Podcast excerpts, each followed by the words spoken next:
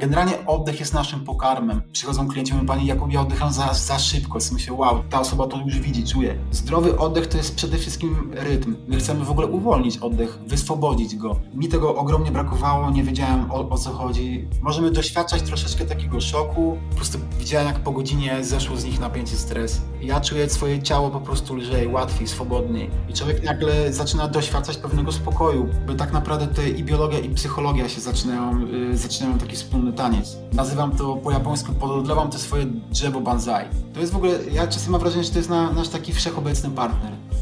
To jest podcast Master Your Emotions.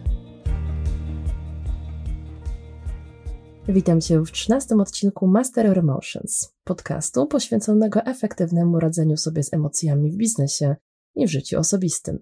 Ja nazywam się Magda i rozmawiam o inteligencji emocjonalnej z zaproszonymi gośćmi, ekspertami, specjalistami i praktykami, którzy dzielą się z nami konkretną i sprawdzoną wiedzą, jak skutecznie pracować nad emocjami, aby zbudować silną markę osobistą. W dzisiejszym odcinku będziemy rozmawiać o czymś, bez czego nie jesteśmy w stanie żyć, funkcjonować i działać, ale co bardzo często traktujemy jako pewnik i nie poświęcamy temu zbyt wiele uwagi.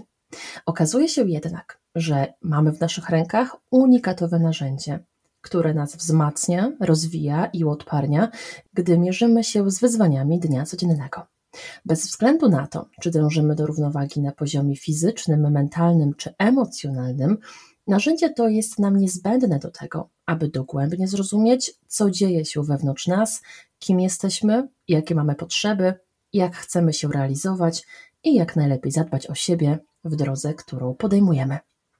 Zapraszam do wysłuchania rozmowy na temat potęgi oddechu i możliwości, jakie otwiera dla tych, którzy włączają regularne praktyki oddechowe do swojego programu aktywności, o tym, czego doświadczamy, jak transformuje nasze życie i co zmienia się w procesie zdrowego oddychania, opowie nam Jakub Gontarski, certyfikowany instruktor naukowych metod oddechowych i CEO firmy Oddech Ruch Transformacja. Kuba aktywnie promuje wypracowywanie prawidłowych wzorców oddechowych, wspiera koordynację oddechu funkcjonalnego oraz pomaga w poprawie kondycji i prawidłowej postawy. Serdecznie zapraszam do polubienia strony podcastu Master Your Emotions na Facebooku, Instagramie, Spotify, iTunes i YouTube, a także zachęcam, aby zapisać się do newslettera, dzięki czemu możesz być na bieżąco ze wszystkimi aktualnościami oraz nowymi odcinkami. Dziękuję za Twój czas i Twoją uwagę oraz życzę miłego słuchania. Cześć Jakub, dzień dobry. Witam serdecznie. Serdecznie witam Cię w podcaście Master Your Emotions. Całkiem niedawno miałam przyjemność brać udział w prowadzonych przez Ciebie warsztatach oddechowych. To było dla mnie totalnie nowe doświadczenie, które utwierdziło mnie w tym, że do tej pory wiedziałam naprawdę niewiele czym jest prawidłowe oddychanie i co ono właściwie zmienia.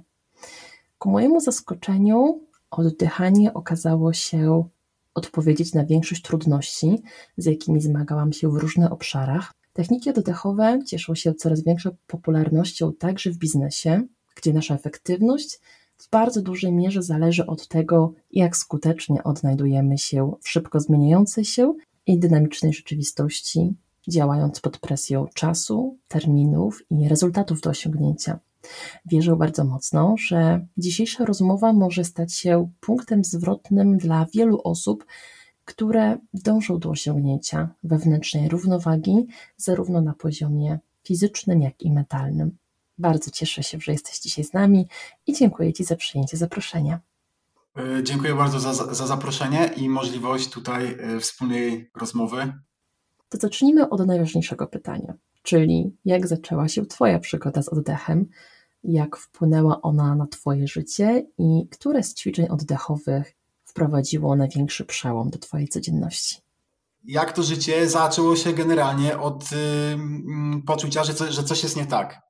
Ja byłem osobą, która od dziecka i w okresie nastoletnim i starszym oddychała bardzo źle, bardzo tragicznie, że tak powiem. Byłem osobą, która hiperwentylowała, głównie oddychałem ustami.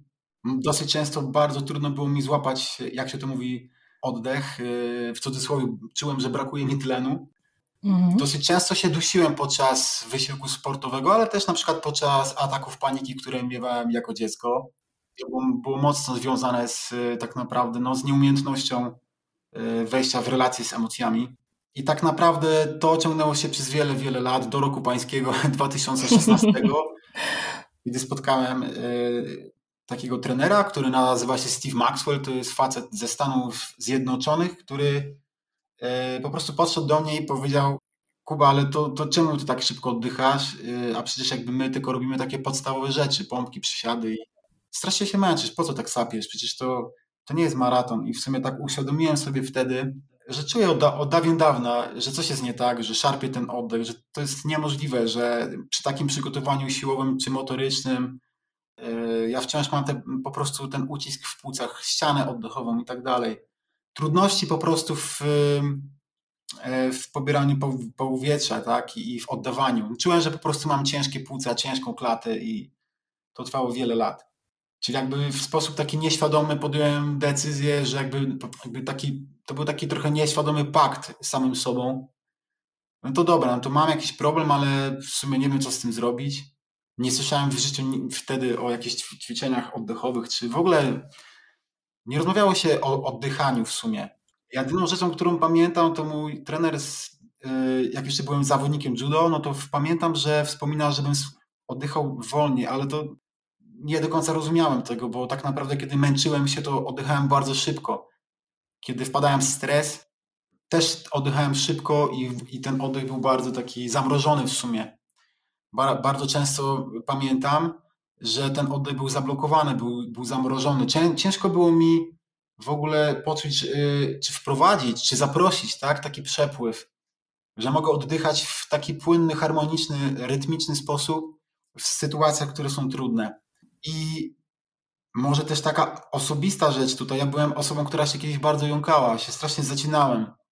I e, pamiętam, że taki pierwszy moment, który mnie uwolnił w tym, żeby w ogóle wyjść ze wstydu, tak, z takiego, z takich traumatycznych, że tak powiem, doświadczeń tutaj, strachu, lęku przed mówieniem w ogóle, to właśnie pomogły takie sesje warsztatowe ze śpiewem, z, z, z głosem, gdzie po raz pierwszy usłyszałem słowo przepona, E, czyli o najważniejszym mięśniu oddechowym. A zadziało się to między innymi w takiej afrobrazylijskiej sztuce, sztuki walki capoeira, którą praktykowałem mm -hmm. przez, przez, wiele lat, gdzie tam jest biały śpiew, jest taki bardzo plemienny śpiew, e, że, że tak powiem.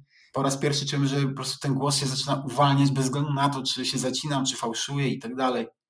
To bardzo pomogło, bardzo pomogło, bo właśnie czułem, że uwalniam te emocje i mogę mieć ten flow, tak? Potem bardzo, bardzo, bardzo ładne, takie otwierające, uwalniające warsztaty w Instytucie Grotowskiego we Wrocławiu, e, w którym też e, pracowaliśmy nad, nad emocjami, nad uwolnieniem właśnie potencjałów w swoim takim organicznym głosie, praca z przeponą i tak dalej. No i teraz do, od paru lat właśnie te ćwiczenia oddechowe jakby stały się takim, dopełniły po prostu ten krąg tutaj, tak? To, czego mi tak naprawdę brakowało w mojej edukacji kiedyś. To, co mnie bardzo mocno zaciekawiło, zobacz, bo ty mówisz właśnie o tym, że no, nie było tak naprawdę szkoły tego, jak oddychać, ale zobacz, z jakiegoś powodu, czy jako dzieci, czy jako młodzież, my nabywamy takie niezdrowe wzorce oddychania. Skąd Twoim zdaniem to się bierze? Bo to nie jest tak, że, że wiesz, u, uczą nas tego rodzice, że to jest jakiś proces wychowania, to jest coś na poziomie fizjologicznym. I czy to jest jakiś taki element, na który możemy zwrócić uwagę, czy powiedzmy w przypadku swoich dzieci, czy po prostu biorąc pod uwagę nawet systemy edukowania e, dzieci i młodzieży, gdzie tak naprawdę jest źródło problemów, Twoim zdaniem? Ja myślę, że nie powiem nic nowego w, nas i na zewnątrz nas. Okej. Okay. To, co, to, co nas tak naprawdę stymuluje od zewnątrz, wpływa na, na, na nasze zachowanie wewnętrzne i vice versa, mm -hmm. tak? Y, ale wydaje mi się, że z badań, które, które, które przeczytałem, na właściwie no, jest masę badań ze wszystkich kontynentów tego świata mm -hmm. na temat wzorców oddechowych i tak naprawdę tym, którym mamy, kiedy się rodzimy, to jest, to jest głównie nos i przepona kiedy się pytałem swoich klientów indywidualnych, czy podczas szkoleń dla firm, czy swoich przyjaciół, którym się urodziły bobaski, i pytałem się, słuchajcie, jak one oddychają? I większość z nich powiedziała, no jak to jak? No, no normalnie, lekko, cicho, nosem, pęczniały im, im brzuszki, ale też na przykład dolny odcinek międzyżebrowy i tylni Czyli tak naprawdę cały, cały mięsień przeponowy był w swojej funkcji. Czyli zobacz, czyli, czyli dzieci rodzą się właśnie z tym prawidłowym oddechem, z tym tak. naturalnym flow oddechowym. W którym momencie to się zmienia, że uczymy się oddychać na przykład właśnie przez usta, czy tak jak powiedziałeś, ten oddech staje się płytki, szybki, hiperwentylujemy się. Czy zauważyłeś jakiś trend właśnie w tym, w tym obszarze? Generalnie to jest temat do naprawdę grubej polemizacji, ale mhm. ciekawa rzecz jest yy, związana ze stresem, jak stres nas stymuluje i może być produktywny i destruktywny zarazem. I prawda jest taka, że kiedy oddychamy przez nos, czujemy tro, troszkę większy opór powietrza, które wpada przez tchawicę, w część wstępującą oskrzeli do płuc i tak dalej. Jakby tro, trochę mamy takie, taką iluzję, że, że jakby te powietrze wpada troszkę trudniej. Więc kiedy sobie otworzymy usta, to mamy wrażenie, że jest nam łatwiej. Ale to jest jakby trochę takie złudzenie, że dotleniamy się lepiej, bo tak naprawdę yy, z perspektywy no, fizjologii te powietrze, które zawiera w sobie tlen, nie do końca jest transportowane w sposób efektywny ale mamy poczucie w ciele, że jest nam troszkę lżej. Ale tak naprawdę no, z mojej autopsji i z wywiadu, który zrobiłem ze, z tyloma sportowcami, z którymi współpracowałem już, ale też ludźmi, którzy nie, nie są w sporcie, są po prostu w chronicznym stresie. To jest ten wzorzec podniesionej napiętej klatki, czyli oddech szczytowo-górny, oddech głównie przez usta, kiedy my przyspieszamy oddech i nam mamy wrażenie, że się nie dotleniamy, więc tym bardziej przyspieszamy ten oddech, a tak naprawdę doprowadzamy do niedotlenienia komórek czy tkanek. W życiu nie słyszałem o tym w podstawówce na żadnej no lekcji, ani w liceum, ani na studiach. Jak zacząłem się tym interesować, to tak naprawdę y, w książkach y, medycznych jest to fajnie w ogóle opisane. To, to nie jest nowa wiedza. W ogóle o zaletach y, pracy, mm, świadomej pracy z, ze swoim nosem, czyli po prostu z wzorcem nosowo-przeponowym. Jaką korzyść daje to, że powoli wdychamy powietrze i wydychamy przez nos że uwalnia się w naszej jamie nosowej we wszystkich tkankach, w zatokach nosowych, y, uwalnia się tlenek azotu. Jest to gaz, który jest odpowiedzialny za ochronę na naszych płuc, czyli w sumie krwi, bo y, nawilża, oczyszcza, filtruje powietrze, które wpada nam do płuc. To jest po prostu naturalny filtr. I pamiętam, jak jeszcze byłem dzieciakiem, jak często miałem właśnie mm, zapalenie migdałków, y, chroniczne właśnie takie bóle w gardle, jakby to jest taki, kurczę, no jak pamiętam z perspektywy czasu, to, to było takie upiorstwo w sumie, nie? Że jesień, no tak. wszyscy, o, grypa i tak dalej, nie? nikt mi w życiu nie powiedział, no nikt, ani WF-ista, no nikt, po prostu nikt, że kiedy oddychamy lekko, naprawdę płynnie, kiedy my ten oddech rozmiękciamy, zresztą jak pamiętasz na szkoleniu, te pierwsze ćwiczenia tak, wprowadzające, tak, tak, tak. było też dla mnie bardzo trudne w ogóle na szkoleniu, dla mnie, żeby w ogóle poczuć ten oddech, usłyszeć, wejść w relację z tym, z tym, jak ja w ogóle odczuwam swój oddech, jak ja go w ogóle rozumiem, tak? Jak moje ciało odbiera to, że nagle sobie siądę w miejscu i nagle sobie spowalniam rytm oddechowy i szukam tej płynności, tego, tego, tej miękkiej fazy wdechu czy miękkiej fazy wydechu. I to było dla mnie piekielnie trudne, bo nagle ciało, wzorce zaczęły mi po prostu jakby ujawniać y, swój chaos, tak? Po prostu. Czyli siadłem, zatrzymałem się po prostu w miejscu a mi ciało tutaj domagało się, żebym oddychał szybko, napinał klatkę. I zastanawiałem się, kurczę, po co? Przecież siedzę w miejscu, jestem w strefie komfortu. I to jest niesamowite, co mówisz, bo faktycznie to bardzo mocno też pokrywa się z moimi doświadczeniami. Na pewno brak e, wiedzy, e, czy w szkołach, czy po prostu na jakimś takim wczesnym etapie rozwoju, no jest e, tak naprawdę krytyczny w, w przypadku jakichś takich późniejszych wzorców.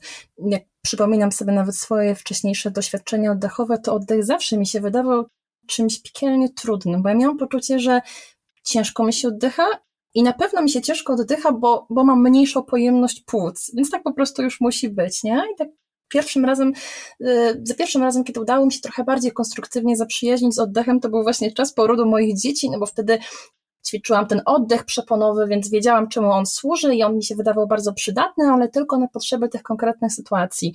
Więc dopiero później, kiedy, kiedy rzeczywiście wziąłem udział w Twoich warsztatach, zrozumiałam, że że to nie chodzi tylko o te konkretne sytuacje, ale o wprowadzenie tego oddechu e, na potrzeby takich codziennych e, wydarzeń i, i codziennych reakcji na to, co się dzieje.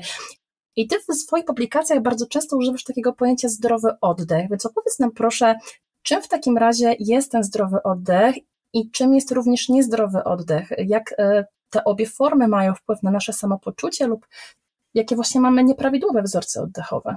Okej.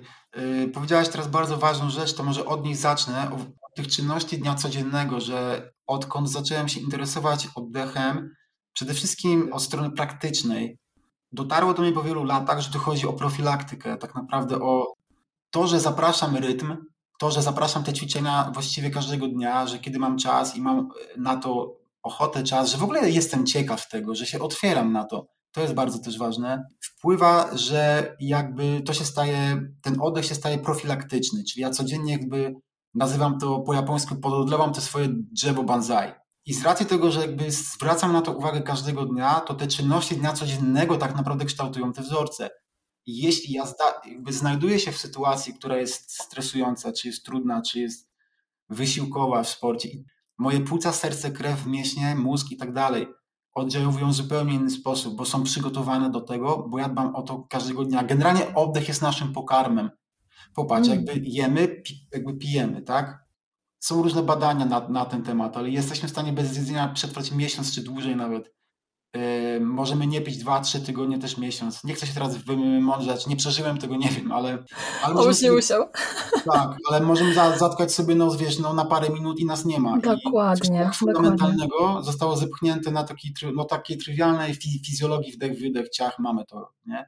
I no właśnie dzięki tym y, systemom, gdzie, do których trafiłem, oni właśnie mocno kładli na to na, nacisk i to było dla mnie dosyć takie jakby szokujące, że w sumie to jest tak proste, ale tak jednocześnie trudne, bo ja nie rozumiem tej prostoty.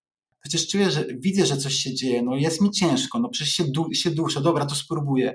I codziennie zacząłem sobie te ćwiczenia zapraszać, sprawdzać i zacząłem już po miesiącu, po dwóch miesiącach widzieć po prostu zmianę. Yy, a po pół roku, po roku to już w ogóle. Więc yy, wracając tutaj do mm, tych nawyków, układ nerwowy odbiera te wszystkie bodźce, impulsy jako coś, co ma rytm, tak? To jest nasz główne centrum dowodzenia jest na początku troszeczkę w szoku. O kurczę, co tu się dzieje?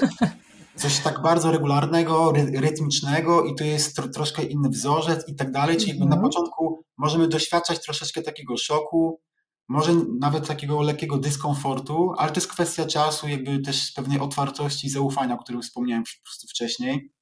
Jeśli chodzi o oddychanie zdrowe, tak naprawdę mówimy głównie tutaj o wzorcu nosowo-przeponowym, kiedy zwracamy uwagę na to, że właśnie w tych czynnościach dnia codziennego przede wszystkim oddychamy nosem lekko, spokojnie, płynnie i tego właściwie szukamy. To praktykujemy e, ze świadomością tutaj pracy z przeponą, czyli mamy, jak wiesz, ze szkolenia tutaj takie ćwiczenia, które mają za zadanie stymulację mechanoreceptorów tego mięśnia. Nie tyle co z przodu, ale też przede wszystkim z boku, z tyłu najważniejsze części przepony to są boki i tył, a nie brzuch. Y, że zwracamy na to uwagę, czyli tak naprawdę siedząc przy komputerze, czy pracując, czy, czy czytając książkę, czy jeżdżąc pociągiem, spacerując, jeżdżąc na rowerze, ja już zwracam na to uważność, tak? Czy pierwszy dzień po szkoleniu powiedziałem sobie, dobra, to od dzisiaj spróbuję oddychać nosem. I to był ten moment, to był ten krok, że ja ten krok po prostu zrobiłem. Czasem było mi lżej, czasem było mi po prostu gorzej, ale czułem potem, potem zmianę, że jest mi łatwiej być w sytuacji, która jest trudna sportowo, czy wysiłkowo, czy, czy stresowo. W ogóle zacząłem spać lepiej. Sen zaczął być bardziej głęboki. Przede wszystkim dlatego, że propagujemy tutaj y, zaklejanie ust na noc, taką specjalną mm. I to było dla mnie też takie szokujące. Kurczę, jak mogę no sobie tak. zakleić usta? Zginę, umrę. Wiesz, to jest tak, no to, to... Więc trenujemy ten nos od 6 do 8 godzin dziennie, w zależności od tego, jak śpimy. I to jest ciekawa rzecz, czyli oddychając nosem, opór powietrza prowokuje przeponę do pracy. To jest fizjologiczna prawda i to jest w ogóle piękna relacja. Opór powietrza powoduje to, że przepona się troszeczkę budzi bardziej do, do życia, czyli im węższe komory, tym większy opór, większy opór powoduje lepszą wymianę gazową. Czyli sam fakt, że oddychamy przez noc nosem, wpływamy na swoje zdrowie, bo z usprawniamy flow krwi, przepływ krwi przez tętnicę żył i tak dalej. I to powietrze się oczyszcza też przy okazji, prawda? Więc tak, też pewnie. E, mniej e, jakichś infekcji łapiemy w tym procesie. Tlenek azotu to jest w ogóle cząstka, która została nazwana cząstką roku bodajże chyba w 97. Trójka naukowców też dostała za to Nagrodę Nobla, czyli gruby level. To są naukowcy, którzy naprawdę byli praktykami i sprawdzali to na różnych, na różnych grupach. E, dostali Nagrodę Nobla, bo jakby pokazali światu, że tlenek azotu jest to gaz niezbędny a nie zbędny. Tak samo jak mhm. dwutlenek węgla był uważany za gaz zbędny. To są dwa gazy, które są niezbędne do tego, żebyśmy oddychali zdrowo. Jak były strajki i tak dalej, jak był okres pandemiczny, pamiętam, że po prostu propagowałem to przez maile, na fanpage'u, wszystkim swoim przyjaciołom, po prostu rodzinom i znajomym i tak dalej. Wszystkim, komu się dało, tak? Słuchajcie, oddychajcie przez nos, bo nos jest waszym strażnikiem płuc, będzie wam lżej. Jest mniejsze prawdopodobieństwo, że coś tam po prostu złapiecie. Zresztą są, jest masa teraz wyników badań, zresztą już były w trakcie pandemii na temat tego, jak y, tlenek azotu jest w stanie wstrzymać replikację białek SARS-CoV-2 i 1. Zdrowy oddech to jest przede wszystkim y, rytm, tak? Czyli jakby praktykujemy, trenujemy, czy szukamy, zapraszamy przez uważność to, żeby oddychać płynnie, lekko, spokojnie, swobodnie. My chcemy w ogóle uwolnić oddech, wyswobodzić go mhm. z tego, że go blokujemy, że go zamrażamy z, z powodu różnych sytuacji. I najczęściej są to emocje, brak akceptacji, brak zrozumienia w sytuacji, w której się znajdujemy, samoocena, boimy się czegoś, tak? Na przykład, y, no z autopsji powiem Ci kiedyś, jakbym miał poprowadzić szkolenie, czy powiedzieć do grupy, to była dla mnie, byłaby masakra, tak? Dla osoby, która się jąkała, no to przecież to jest dramat. Tak chciałem zaproponować, że tak jak pamiętasz ze szkolenia, mhm. tutaj właściwie za każdym razem, kiedy mam jakieś szkolenie, czy trening, czy, czy kurs online, czy na żywo, staram się te 15 minut przed szkoleniem po prostu znaleźć dla siebie, żeby się właśnie zatrzymać w miejscu, poczuć swoją przeponę, zrobić dwa, trzy ćwiczenia, zrelaksować się, dotlenić, spowolnić, upłynnić ten oddech i wtedy po prostu czuję, że mi jest łatwiej mówić. Może tego teraz nie słychać tutaj, ale przed każdym zdaniem, nie wiem, czy słowem, co jakiś czas staram się jakby oddychać płynnie, ale tego nie słychać. Nie wiem, może czasem, ale kiedyś jak na przykład mówiłem, to brzmiało to tak, że mówię, mówię, mówię, mówię, mm-hmm. że ten oddech jest bardzo szarpany, słyszalny, jest arytmiczny. Tak. Okay. I te ćwiczenia naprawdę pomogły mi oddychać w sposób taki funkcjonalny, głęboki. To znaczy, że ja spełniam funkcję przepony. Zapraszam, żeby ona uwolniła to swoją funkcję. Oddycham głęboko, lekko, cicho, spokojnie, ale pobieram tlen, po, po, pobieram tlen z powietrza, tak? I oddaję powietrze do atmosfery, więc jakby tutaj zdecydowanie jest mi łatwiej się teraz yy, wypowiedzieć po prostu. Mhm.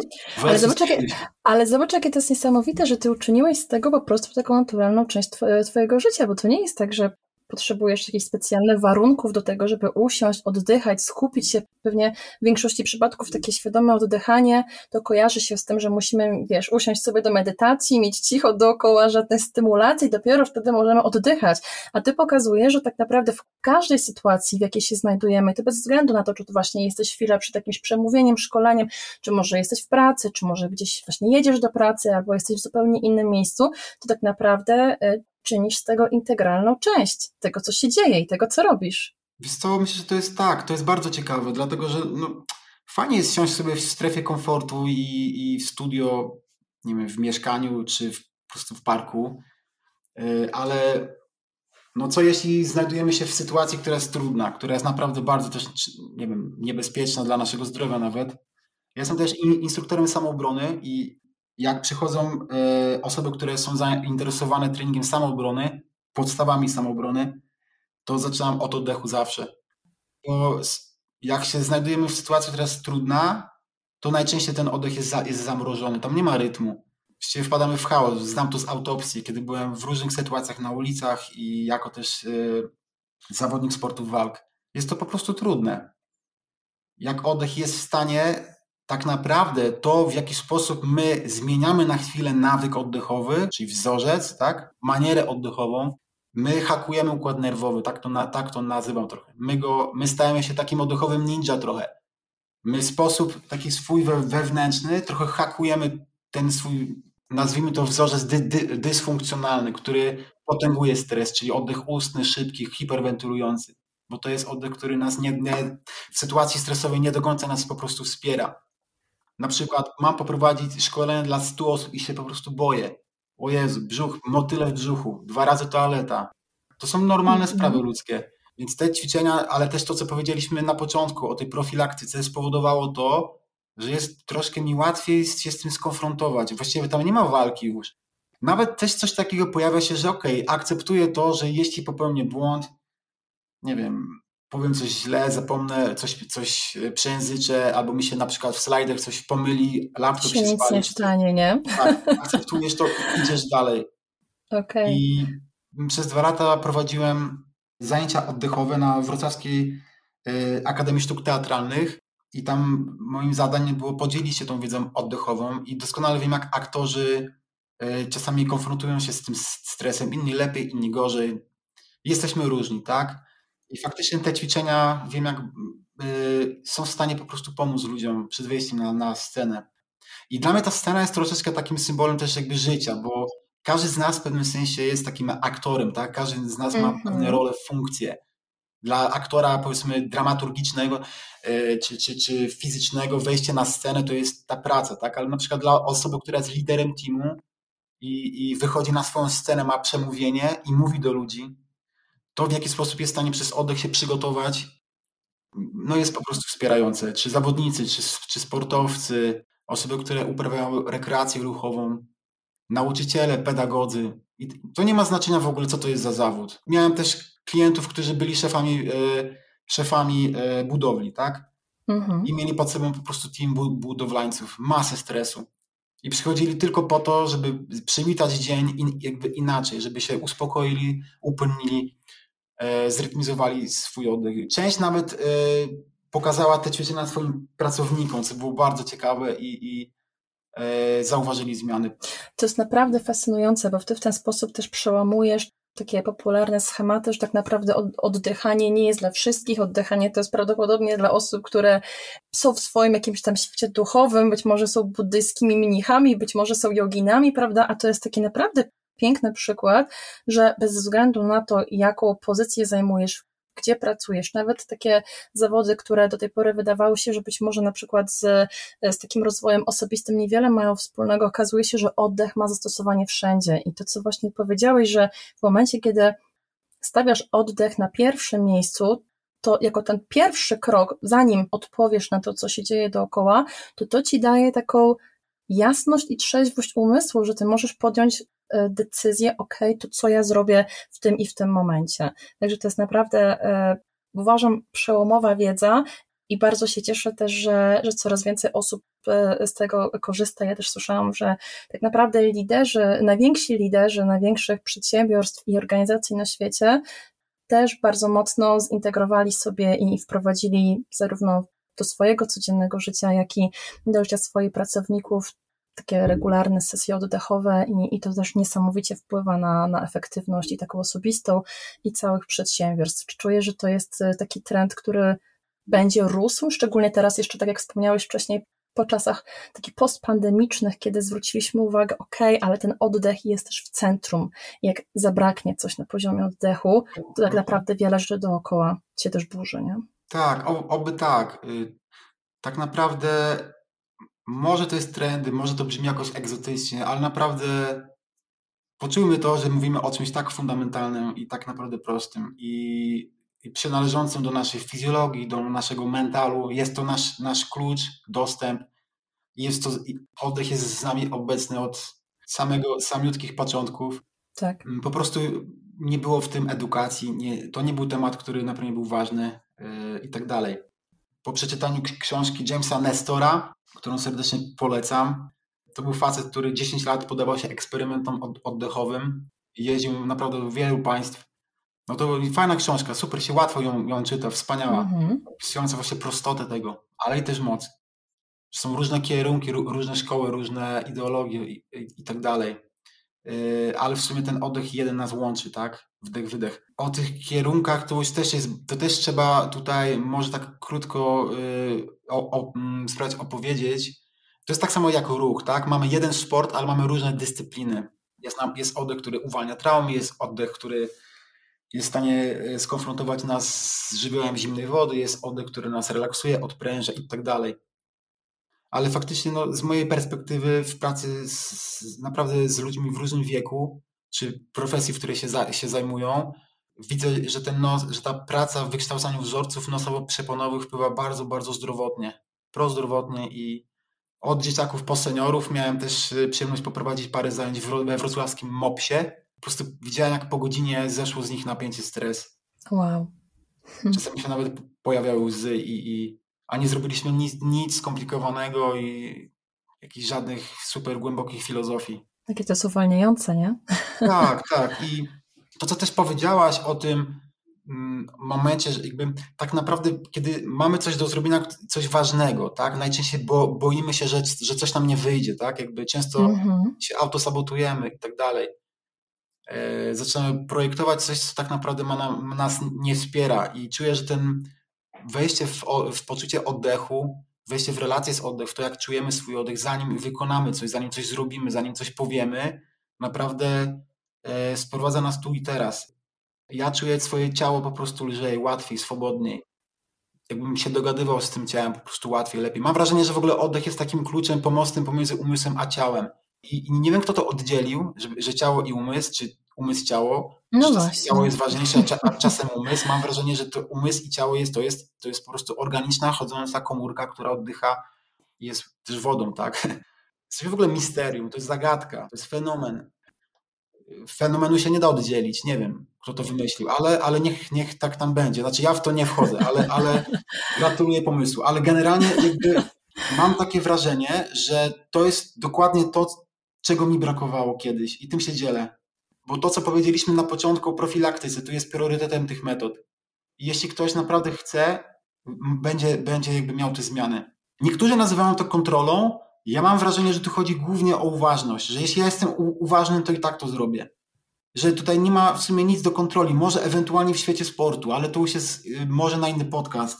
Bo czasem tak jest, jakby, kiedy przekraczamy te granice fizyczności już naprawdę na grubym levelu, jest ciężko, jest bardzo niebezpiecznie, no to już troszkę tej kontroli trzeba dać, są te diagramy ćwiczenia, ale jeśli mówimy o takiej lekkiej swobodzie życia, czy, czy w którym nie przekraczamy żadnych granic, po prostu żyjemy sobie lekko, spokojnie, rytmicznie i zależy na, na spokoju, harmonii i zdrowiu, no to na lekko, nie? Tutaj.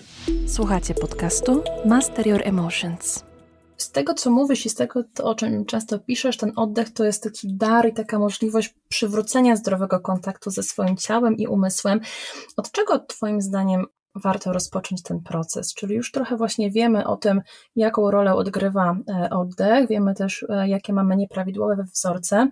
Więc jeżeli w tym momencie znajdujemy się w punkcie, ok, to co mam zrobić dalej, od czego mam zacząć, to, to, to co byś rekomendował? W takim praktycznym ujęciu bardzo fajna rzecz, usiąść sobie na krześle, na ziemi, oprzeć się o fotel, o ścianę, może też się położyć albo stanąć w miejscu, położyć jedną rękę na klatce piersiowej, drugą rękę na, na w okolicach dolnych żeber albo brzucha i Właściwie nic nie kontrolować, tylko obserwować swój oddech, wsłuchać się w swój oddech, wsłuchać się w swój rytm, i pamiętam, jak pierwszy raz do, y, zrobiłem tak prostą rzecz, minęło mi 5-10 minut. Byłem w szoku, jak ten czas byłem w szoku, że, że minęło 10 minut czegoś takiego. I miałem wrażenie, że faktycznie byłem świadkiem tego, że bardzo często moja uważność gdzieś odlatywała, czyli my, myślałem o czymś innym niż o oddychaniu, o swoim ciele, czyli jakby byłem świadkiem tego, że się często odcinam od swojego ciała, tak? Po prostu. Więc sam fakt, że położę sobie ręce na swoje ciało i powiem sobie, dobra, od tej chwili chcę poczuć swój oddech, jaki on jest, jak mhm. go czuję, czy go słychać, czy nie, czy bardziej pracuję klatką, czy yy, brzuchem, czy oddycham całym ciałem, yy, jak się w ogóle czuję z tym, że nagle się zatrzymuję w miejscu. I nagle Czyli, mhm. leci 5 minut, 10, a czasem nawet 30 minut, czasem 60 minut. I człowiek nagle zaczyna doświadczać pewnego spokoju, Chociaż miałem też przypadki takie, że niektórzy dostawali szoku. Nie to, że zaczęli się bać, ale, ale zaczęli sobie zdawać sprawę, że te zatrzymanie w miejscu i poczucie swojego ciała od, oddechu było takim znakiem, tak? O kurczę, to ja jestem w takiej sytuacji w życiu, aha, tak jakby to chyba się zapętliłem, czyli albo y, ja sobie na przykład zdałem sprawę, że jestem za bardzo przybodźcowany. Mm, o Boże, kurczę, co się dzieje, to ja tak się zachowuję? Mm. Aha, że za, że za dużo tego, że ja się boję zatrzymać w miejscu, nie? No to są takie, to są, oddech jest psychosomatyczny, to jest, to jest neurofizjologia też. Czyli z tego też, co mówisz, wynika, że w momencie, kiedy my się skupiamy na procesie, a nie na takim finalnym rezultacie, to to przychodzi najbardziej naturalnie, bo pewnie jakbyś mi powiedział, Magda, masz teraz oddychać przez 10 minut, powiedziałabym ci, nie, to jest niewykonalne, nie dam rady, nie wytrzymam. I sama świadomość tego, że przez te 10 minut mam oddychać, pewnie już zablokowałaby mnie na samym początku, ale jeżeli ja się skupiam na procesie, na tym, żeby właśnie wsłuchać się w swoje ciało, y, czy w swój umysł, w to, co się tam dzieje, to wtedy będzie mi dużo łatwiej pozwolić sobie na taki naturalny oddech bez fiksowania się, że ja muszę osiągnąć jakiś konkretny stan, czy, czy dotrzeć do jakiejś konkretnej odpowiedzi, tylko chodzi o wprowadzenie się w taki, no, taką, taką też może otwartość na to, co się dzieje w środku, czy na poziomie właśnie tym fizjologicznym, czy na poziomie emocjonalnym, tak? Tak, na początku, pomimo tego, że te cele można sobie określić, tak, na przykład jak pracuję z astmatykiem, celem jest, żeby tej astmy było mniej. No tak. Człowiek, który jest ultramaratonistą, żeby biegał bez poczucia duszności, żeby biegł dalej bez poczucia y, hiperwentylacji czy braku tchu. Ale tu i tu, nieważne co, jakby, co to za profesja, zaczynamy za, zawsze od tego, żeby to ciało poczuć, poczuć swój oddech. I sam fakt, że jestem w uważności ze swoim oddechem 5 do 10 minut, do 30 minut jest, jest naprawdę jest y, dobrym początkiem, bardzo dobrym. Umysł zatrzymuje się troszeczkę w, jakby w miejscu, tak? Jakby my myślimy i czujemy swój oddech. Więc mam większe prawdopodobieństwo, żeby zobaczyć przede wszystkim, jakie mam nawyki, jakie mam wzorce, co się we mnie jakby budzi. Czyli jak ja sobie na, na początku usiadłem i zrobiłem sobie te ćwiczenie wprowadzające, to czułem, że mi się co chwilę podnosi klatka. Że sam fakt, że spowalniam rytm oddechowy jest dla mnie trudne, bo moje ciało domaga się, żebym oddychał szybciej. Przede wszystkim miałem prawo i jakby taką możliwość zobaczyć, jak ja w ogóle oddycham, jakie mam, mam wzorce, czego mój układ nerwowy się domaga, tak? Okay. Jak, ja, jak ja programowałem siebie, nieświadomie bądź świadomie i tak dalej. Sam fakt takiej posiadówki jest jakby możliwością w ogóle zatrzymania się w miejscu odprężenia spojrzenia w głąb siebie, co się dzieje, tak? Oczywiście mamy też dużo ćwiczeń, które są wspaniałą interwencją w momencie samej, samego stresu, czy czymkolwiek on nie jest, czy jest, tak? Są ćwiczenia, które propagujemy, żeby wykonywać przed snem, bo są naprawdę kołysanką do snu, powodują wyrzut melatoniny, hormonu, który jest odpowiedzialny za sen. Czy na przykład ćwiczenia, które są fajne rano, żeby się obudzić. Czy ćwiczenia na przykład w środku dnia, osoby, które pracują przy komputerze i czują, że są zmęczone, że już im ciężko siedzieć. Mamy fajne takie procedury. My, my to, ja to nazywam takimi ćwiczeniami interwencyjnymi też. Zresztą to są ćwiczenia, które y, są y, używane tych w siłach militarnych. To jest też ciekawa rzecz. Niektórzy wojskowi czy osoby, które są w siłach specjalnych też te ćwiczenia wykonują, bo wiedzą, znają ich po prostu wartość i no korzyści. No tak, zwłaszcza jeżeli są w e, takich specyficznych warunkach, gdzie też są pod bardzo dużą presją i napięciem. Ty też właśnie wspomniałeś o tym, że dotarłeś do takiego punktu, w którym zrozumiałeś, że że jesteś bardzo mocno przebodźcowany, więc jak tego słucham, to dochodzę do wniosku, że, że dzisiaj jest to niezbędne, aby oddech jednak wprowadzić na stałe, jako taki stały element do naszego życia, bo my żyjemy w dobie bardzo dużego natężenia szumu informacyjnego, to właśnie tych różnych bodźców i stymulacji, i my musimy zbudować w sobie tą odporność psychiczną. Co właśnie w takiej sytuacji najbardziej rekomendujesz? Czy samo to, że powyłączamy wszystkie urządzenia, że się odetniemy, to pomoże? Czy po prostu funkcjonując w tej rzeczywistości, z tymi wszystkimi urządzeniami i z taką formą życia, jaką mamy, możemy znaleźć po prostu miejsce na ten oddech? Jak najbardziej. To zależy tylko od tego, czy jesteśmy ciekawi, czy w ogóle chcemy.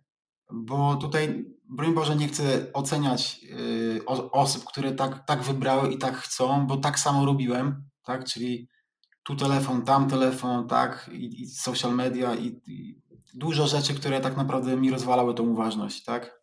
Tu chodzi o to, że jeśli chcę, to znajdę czas. Bo jestem ciekaw i widzę w tym korzyść. To, co powiedziałem, sam fakt, że siądę w miejscu, zamknę oczy i poczuję swój oddech, jest tak naprawdę taką fajną bramą, takimi drzwiami, żeby do tego jakby spojrzeć, spojrzeć na, i objąć to, spróbować to w ogóle objąć siebie w tym kontekście, tak? Myślę, że jest bardzo trudno w takim umyśle, który jest przebodźcowany, yy, poczuć głęboko, co się dzieje, w ogóle wejść w relację z czymkolwiek.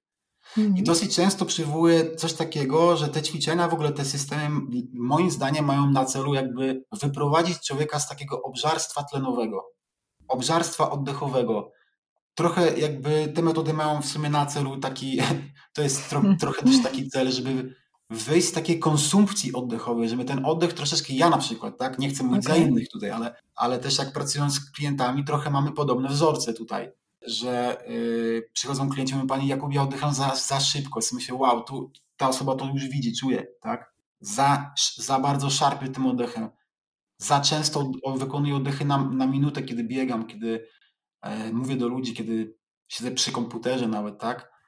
No jest to ciekawa rzecz. To wyobraźmy sobie, że jesteśmy w tym momencie takiego dużego napięcia i stresu, bo przed chwilą wydarzyło się coś bardzo trudnego.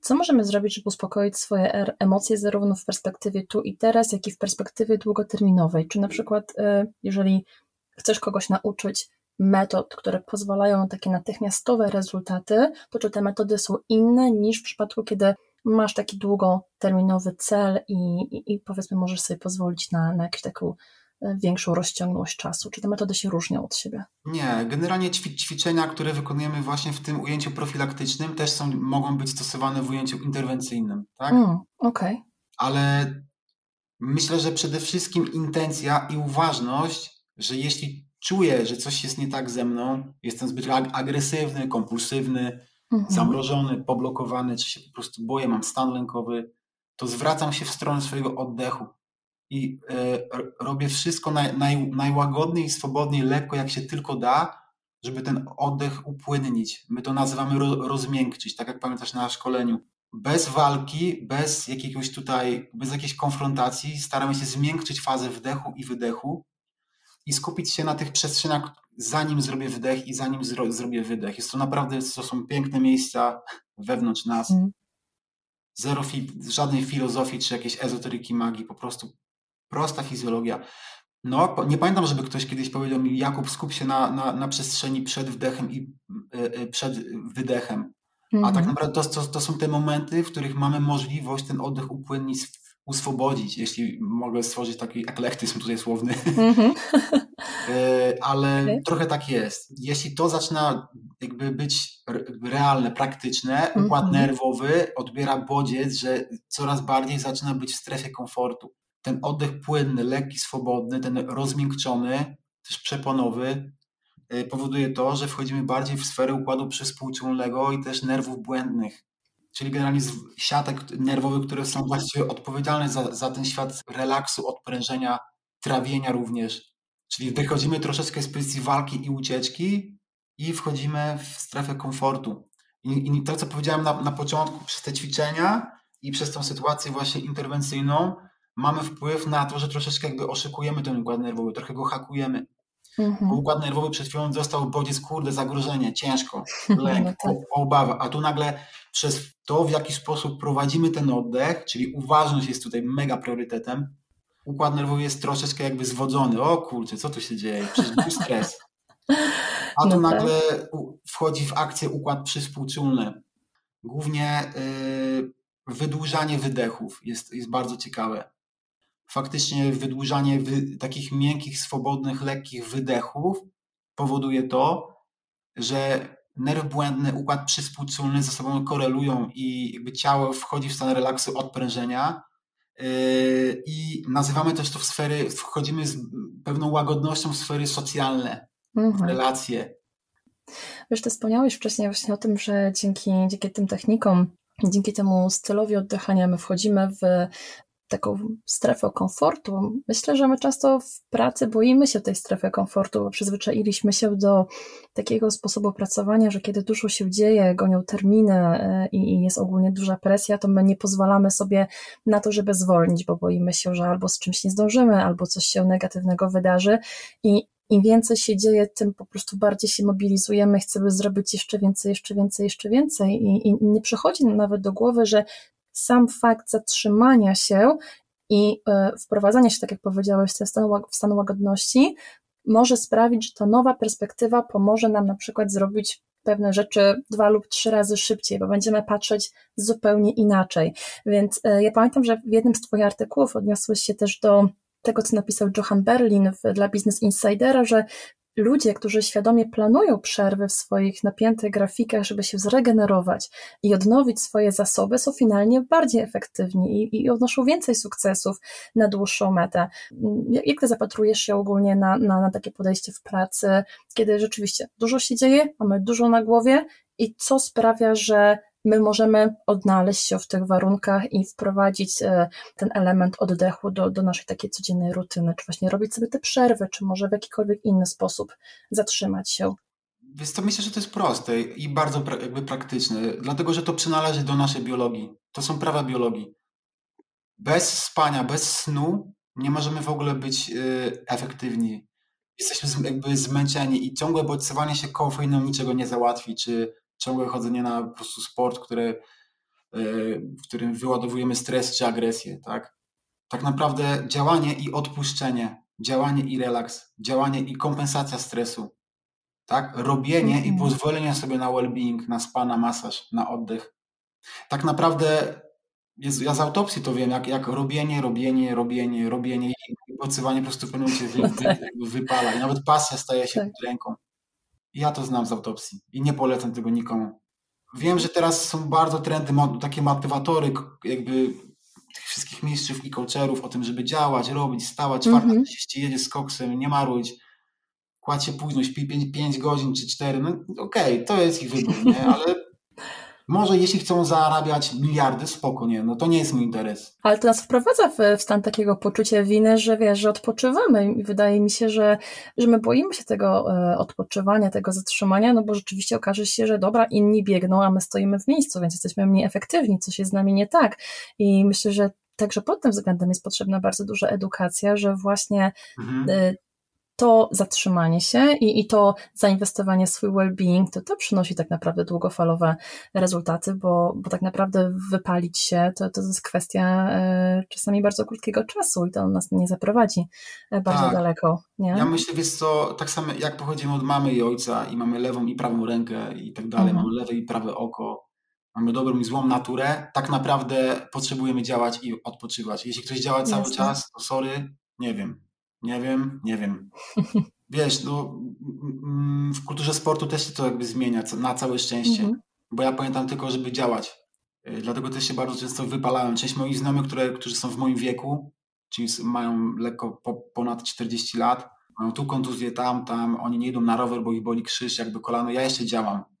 Ale y, tutaj oczywiście jakby chodzi o to, że takie ciągłe działanie i robienie powoduje masę kontuzji i, i, i jeśli nie dbam o, o tą kompensację, czy superkompensację, tak się to też nazywa w sporcie, mhm.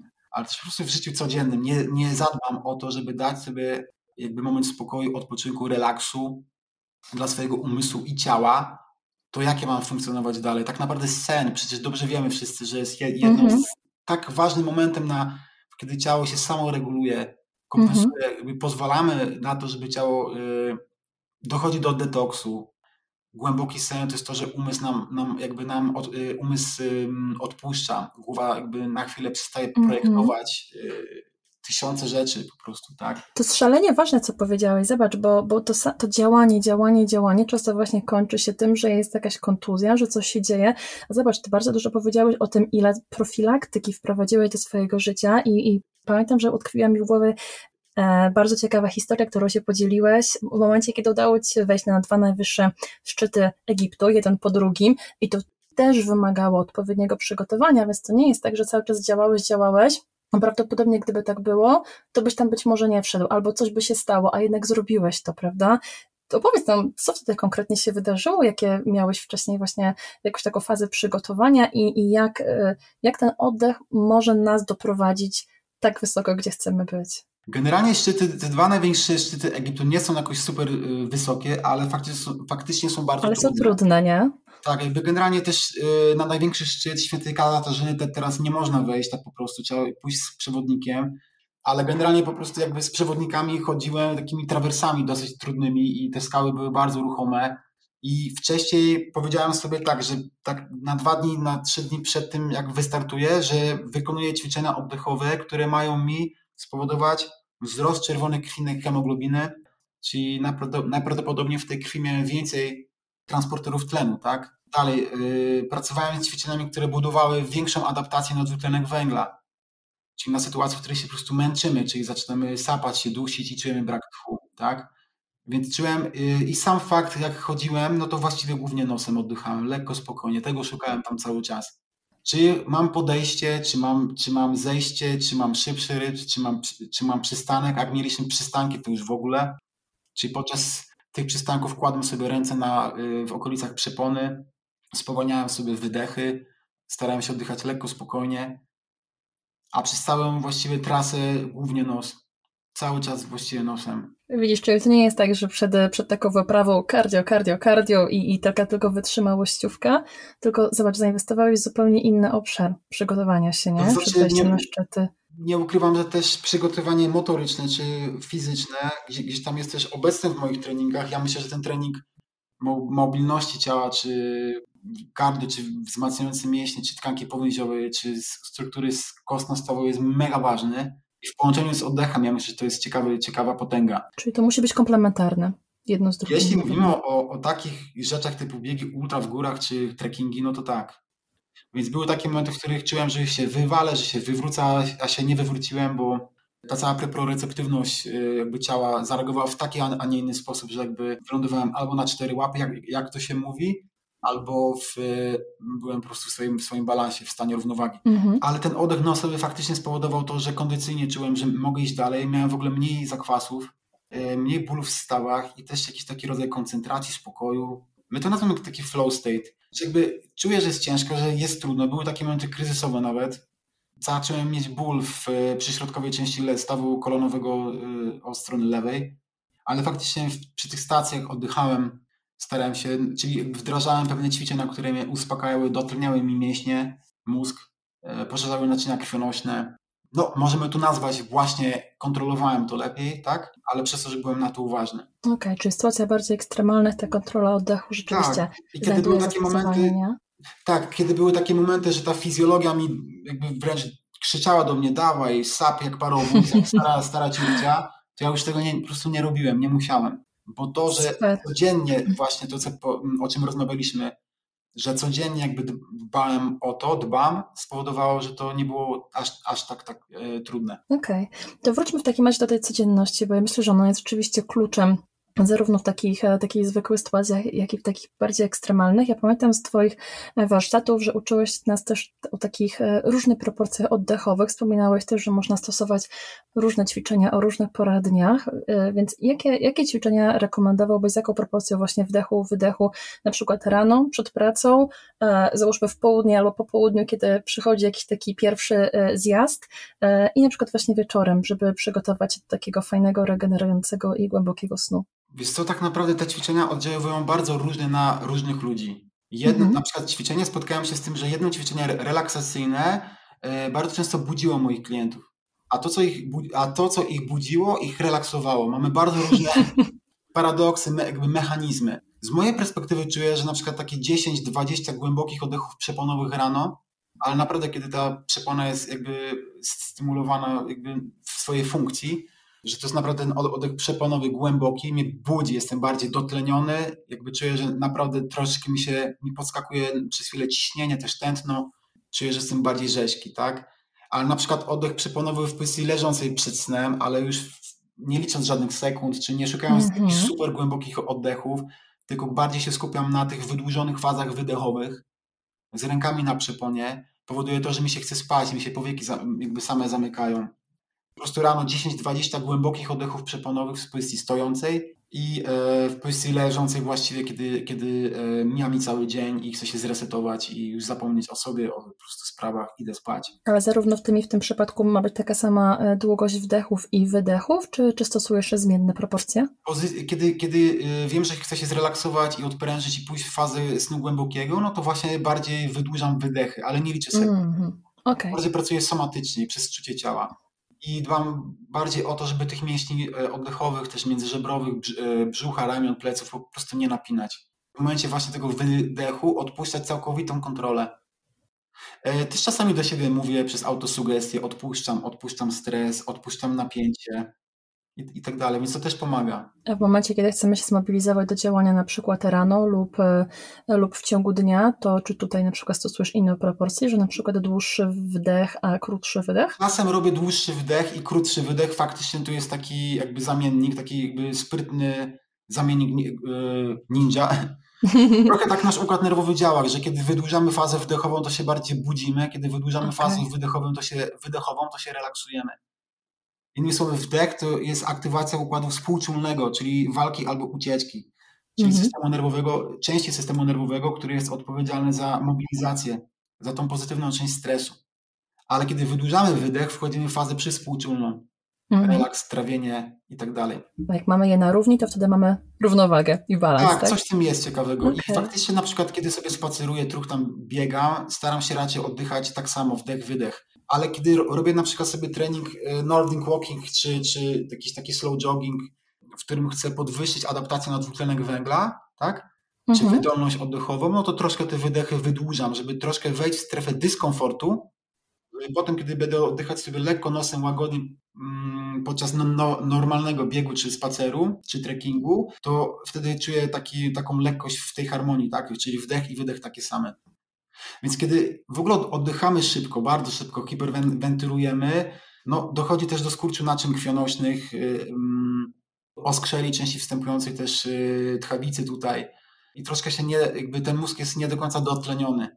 Jest okay. sporo badań, różne są szkoły, można też polemizować na ten temat, ale faktycznie ten oddech hiperwentylujący, szybki, taki rwany, szarpany przez usta, raczej bym powiedział, że nas nie wspiera w tym oddechu zdrowym. Bardziej potęguje stres. Ja po prostu innymi nazywam to tak, że wpadam w błędne koło.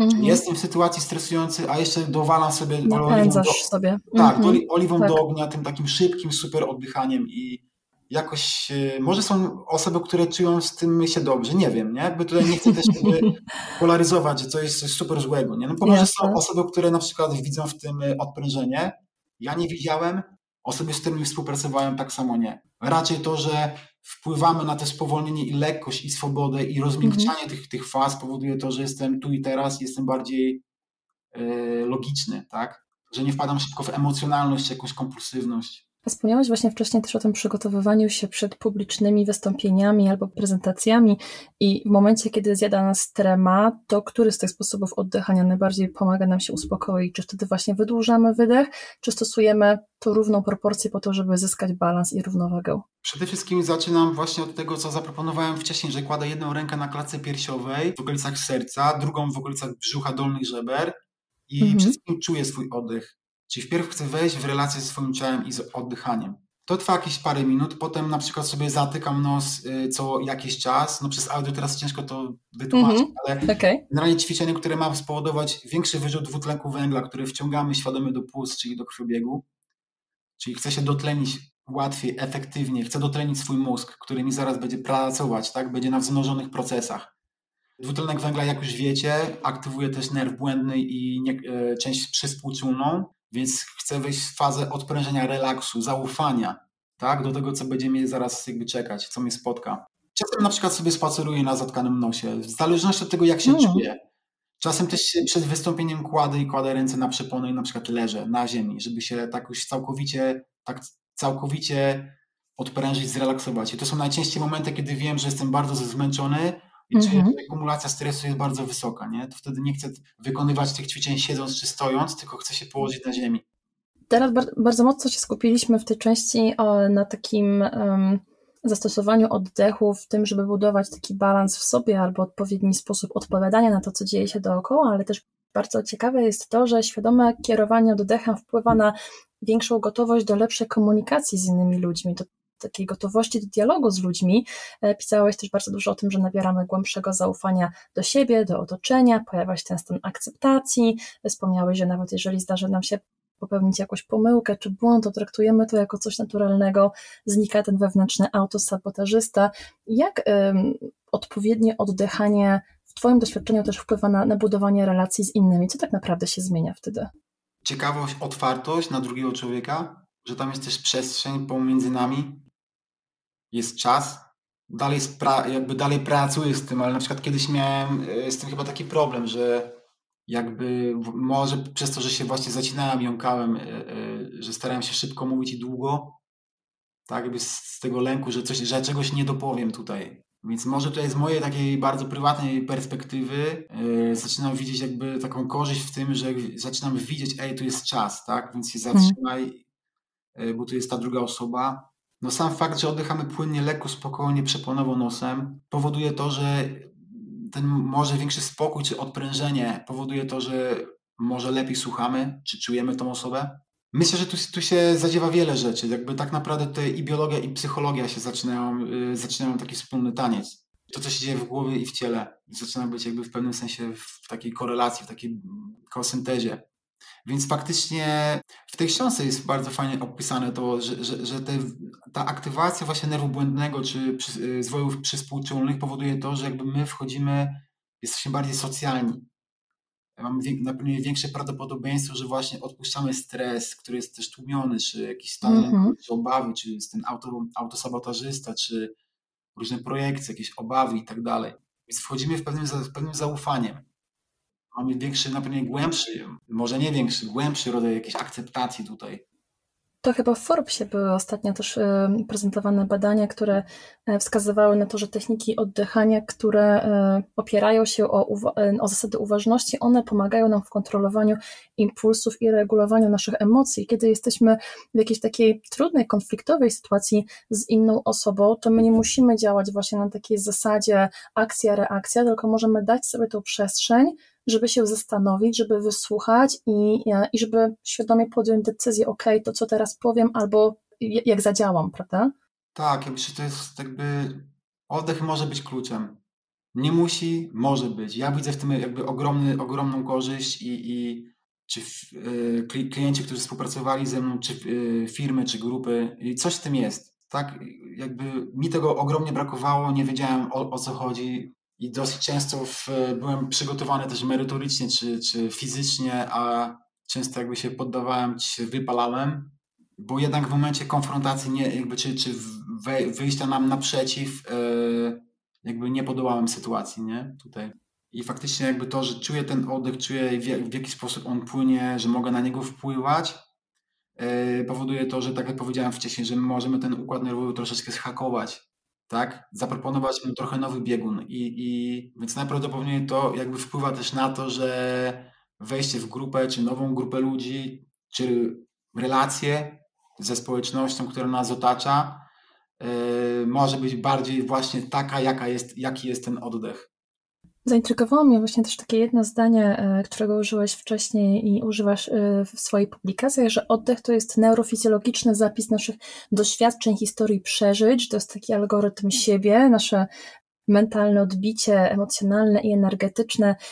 Jak e, zarówno w procesie budowania bardziej świadomych nas oraz w budowaniu takich bardziej wspierających i otwartych relacji z innymi, jaką rolę tutaj odgrywa neuro, neuroplastyczna integracja, bo nam się czasami wydaje, że nie, nie zmienimy siebie, nie zmienimy naszego sposobu oddychania, nie zmienimy innych, natomiast jednak okazuje się także w oparciu o przeróżne badania, że jednak jest możliwość zmienienia tych różnych wzorców, więc, więc jakie jest Twoje doświadczenie w tym temacie? To znaczy nie, nie, do, nie do końca zasięgnąłem tutaj badań na poziomie neuroplastyki, bo to jest gruby temat, ale wiem, że te, te wzorce oddechowe, które się, e, z którymi pracujemy, mogą pozytywnie wpływać na wiele chorób, tak?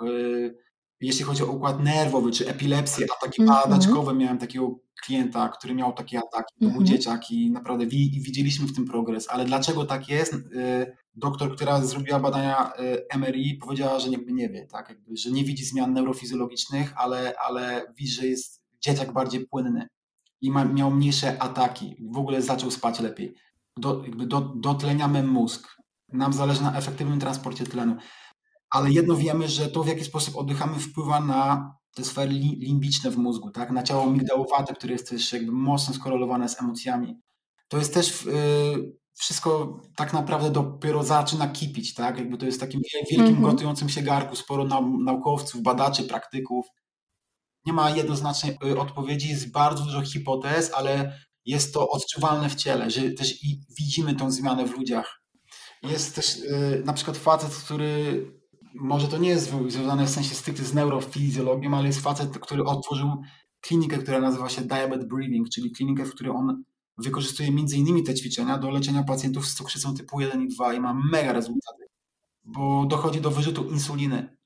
I generalnie jakby ludzie trochę schodzą z insulinoodporności, czyli transportują dzięki tym ćwiczeniom troszeczkę łatwiej krew z tlenem, do, przepraszam, cukier z tlenem e, do, do komórek. Jest taki kompleks pre.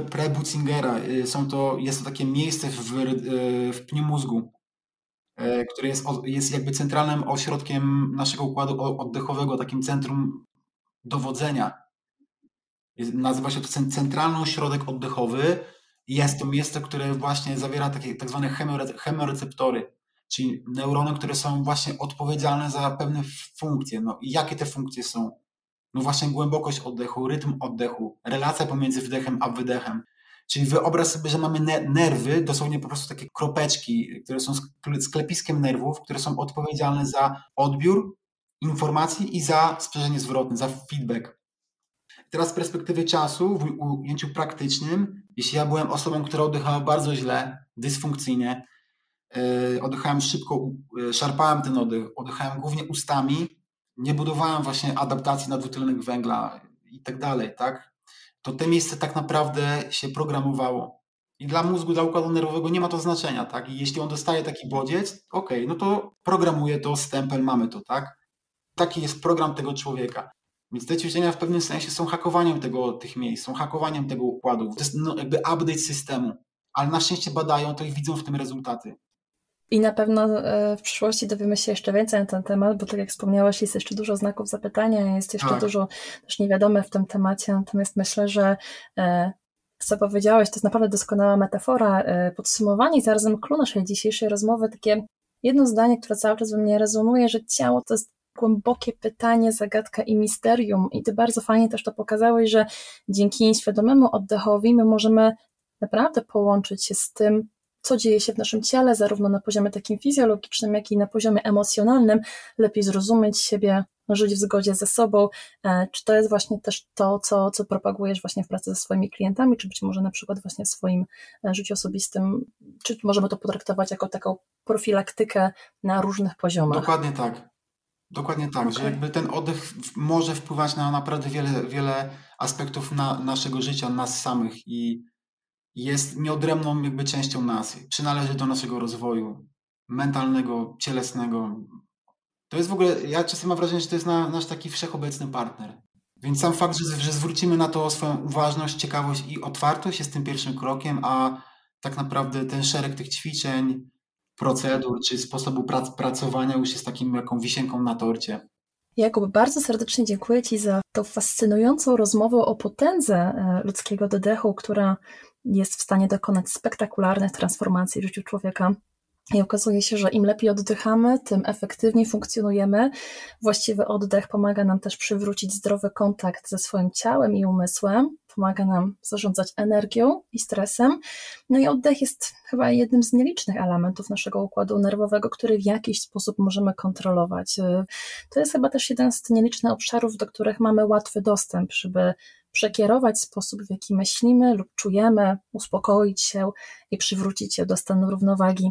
Podsumowując naszą dzisiejszą rozmowę, powiedz mi, jakie trzy rzeczy rekomendujesz osobom, które dopiero wkraczają na ścieżkę reformowania swoich nawyków e, oddechowych, które być może wchodzą dopiero w ten temat, które chciałyby się może z tym tematem bardziej zaprzyjaźnić? Zatrzymajcie się w miejscu, usiądźcie bądź się połóżcie, połóżcie sobie jedną rękę na klatce, drugą na brzuchu, wsłuchajcie się w swój oddech, poczujcie swój oddech. Możecie sobie potem zapisać, jaki on jest, jak wam się oddycha przez nos, jak wam się oddycha przez usta.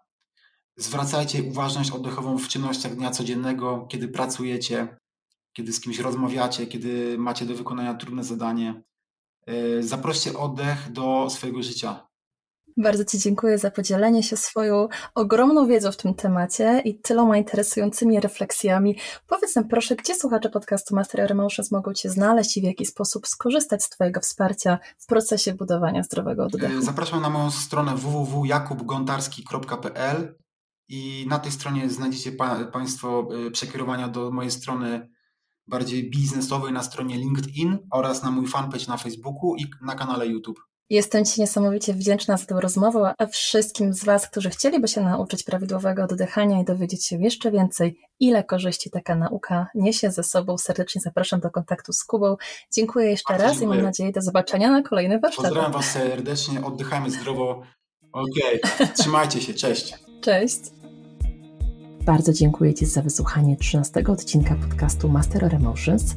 Jeśli spodobała Ci się treść dzisiejszej rozmowy, będę bardzo wdzięczna za polubienie jej, udostępnienie, podzielenie się komentarzem lub wysłanie wiadomości na adres mailowy podcast Dziękuję także za zasubskrybowanie kanału z nowymi odcinkami na Spotify, iTunes i YouTube A jeśli wolisz otrzymać powiadomienia mailowe, zapisz się już dziś do newslettera, który znajdziesz na stronie www.masteremotions.pl. Dziękuję jeszcze raz za wspólnie spędzony czas i do usłyszenia.